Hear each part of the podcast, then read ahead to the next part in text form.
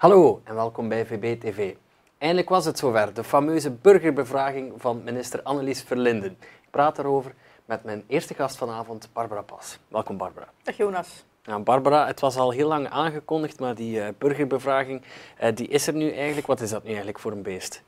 Uh, een beest is eigenlijk wel een treffende naam. Het is een draak van een, van een website geworden onder de lange, lachwekkende titel een land voor de toekomst.be. En als je daar naar surft, dan moet je eindeloos scrollen door allerhande context om bij zes thema's te komen. Klik je die zes thema's aan, dan heb je per thema nog heel veel uitdagingen waar je eh, allemaal antwoorden eh, kan ingeven, moet registreren. Alles behalve laagdrempelig. Het is even duur, inefficiënt en onoverzichtelijk als de Belgische staat zelf.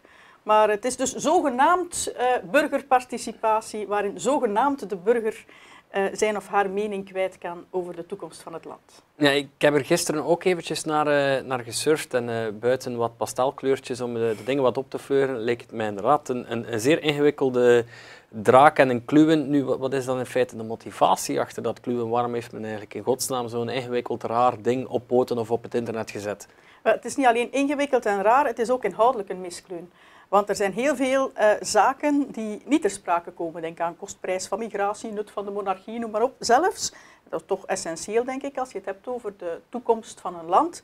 De transfers, de miljarden die jaarlijks van Vlaanderen naar Wallonië en, en Brussel gaan, daar wordt allemaal met geen woord over gerept. Maar waarom komt deze regering met zoiets af? Er staat al amper iets communautair in het regeerakkoord. De CD&V krijgt zelfs dat niet gerealiseerd binnen die Vivaldi-regering. Dus moet men doen alsof men met communautaire zaken bezig is.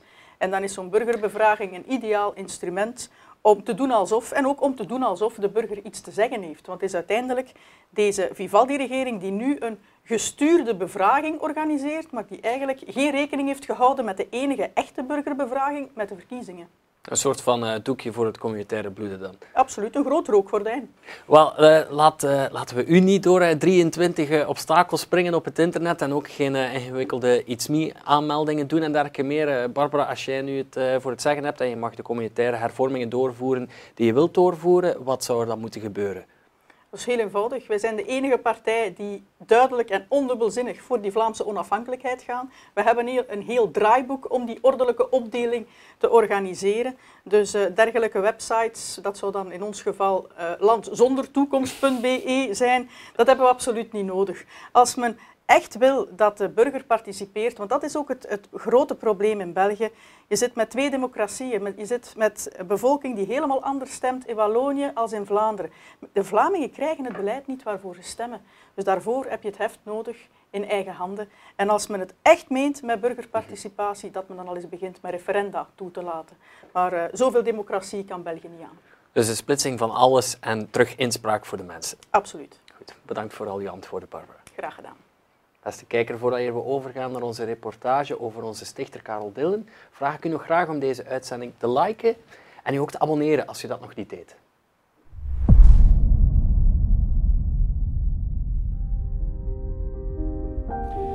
En dwingt het lot u ooit tot de keuze tussen schoothondje of pitbull, wees dan de pitbull.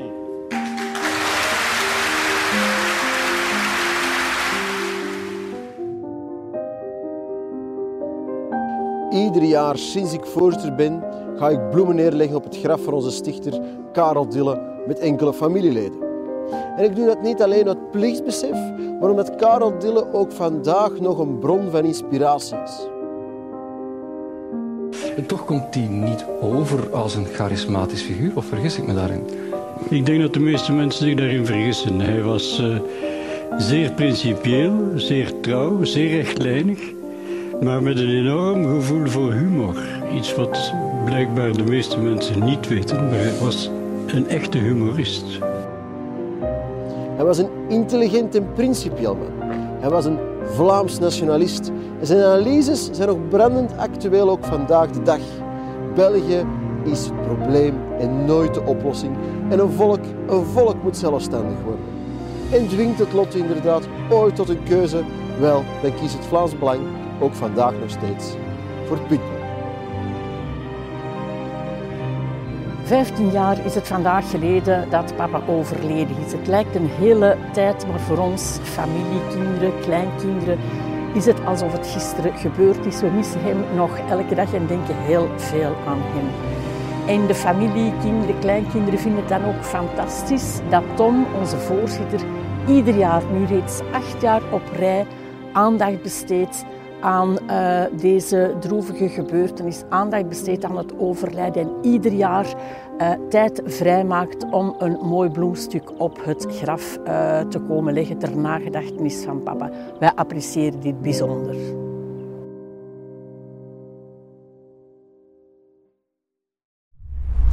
Een grote meneer met een brandend actuele erfenis. Intussen zit mijn tweede gast voor vanavond bij mij aan tafel en dat is niemand minder dan Ilse Malfroot. Dag Ilse. Dag Jonas. Ilse, je bent uiteraard Frans parlementslid voor ons. Jij volgt ook kinderopvang en zo op. En je hebt uiteraard ook wel dat interview met Conor Rousseau in Humo gelezen. Alle aandacht ging daarbij aan dat uh, Molenbeek-debakkel. Maar natuurlijk, door al die aandacht voor dat Molenbeek-debakkel, dan, dan, was er weinig aandacht voor een echt gevaarlijk uh, voorstel dat hij daar deed. En dat was rond kinderopvang. Hè. Kan je dat even toelichten, Ilse?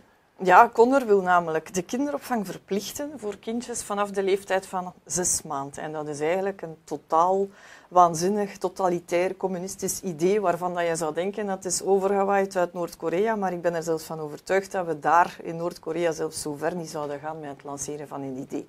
Voor het Vlaams Belang is kinderopvang natuurlijk een recht, maar het is zeker geen verplichting. Wij willen zelfs dat het kindje zo lang mogelijk bij de mama of de papa kan blijven in die warme omgeving thuis, zodat het zich kan hechten uh, aan zijn ouders. Ja, daaraan gerelateerd, want ik las het interview toch wel met uh, groeiende verbazing. De interviewer haalde aan wat, wat jij nu, nu zegt, hè, dat in het eerste levensjaar het van pedagogisch en therapeutisch belang is dat het kind, uh, als het kan uiteraard, hè, dat het bij de ouders uh, blijft en daar ook opgevoed wordt. En uh, Connor wuifde dat wetenschappelijk argument weg en die zei nee, want dat vergroot alleen maar de kloof tussen kansarme en kansrijke kindjes. Is het zo dat we moeten redeneren dan?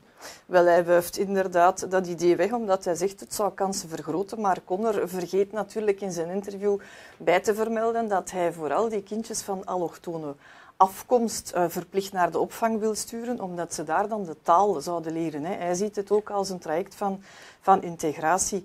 Wij zijn vooral van mening dat elk kind wel een recht moet hebben op opvang, maar dat we het ook zo lang mogelijk bij de ouders willen houden, omwille van die warme hechting, die band mhm. die noodzakelijk is tussen het kindje en de mama en de papa.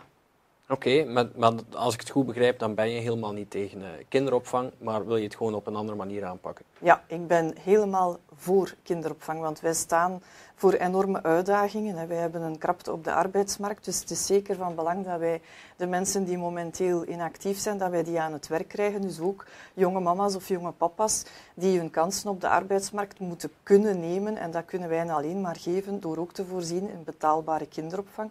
Zodanig dat mensen die gaan werken voorrang hebben op een plaatsje in de opvang, maar ook mensen die, die bereid zijn om zich te herscholen of om een opleiding te volgen, dat die ook terecht kunnen in de kinderopvang. En ten laatste willen wij natuurlijk uh, ook het ouderschapsverlof nog uitbreiden, hè, omdat we net uh, die, die band en die, dat warm nest zo belangrijk vinden dat wij de kindjes en de mama's en de papa's de kans willen geven om die warme hechting zo lang mogelijk vast te houden.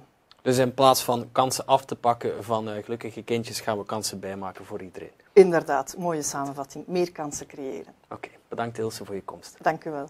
Beste kijker, laat ook zeker uw mening achter in de reacties onderaan. En ik zie u graag een volgende keer.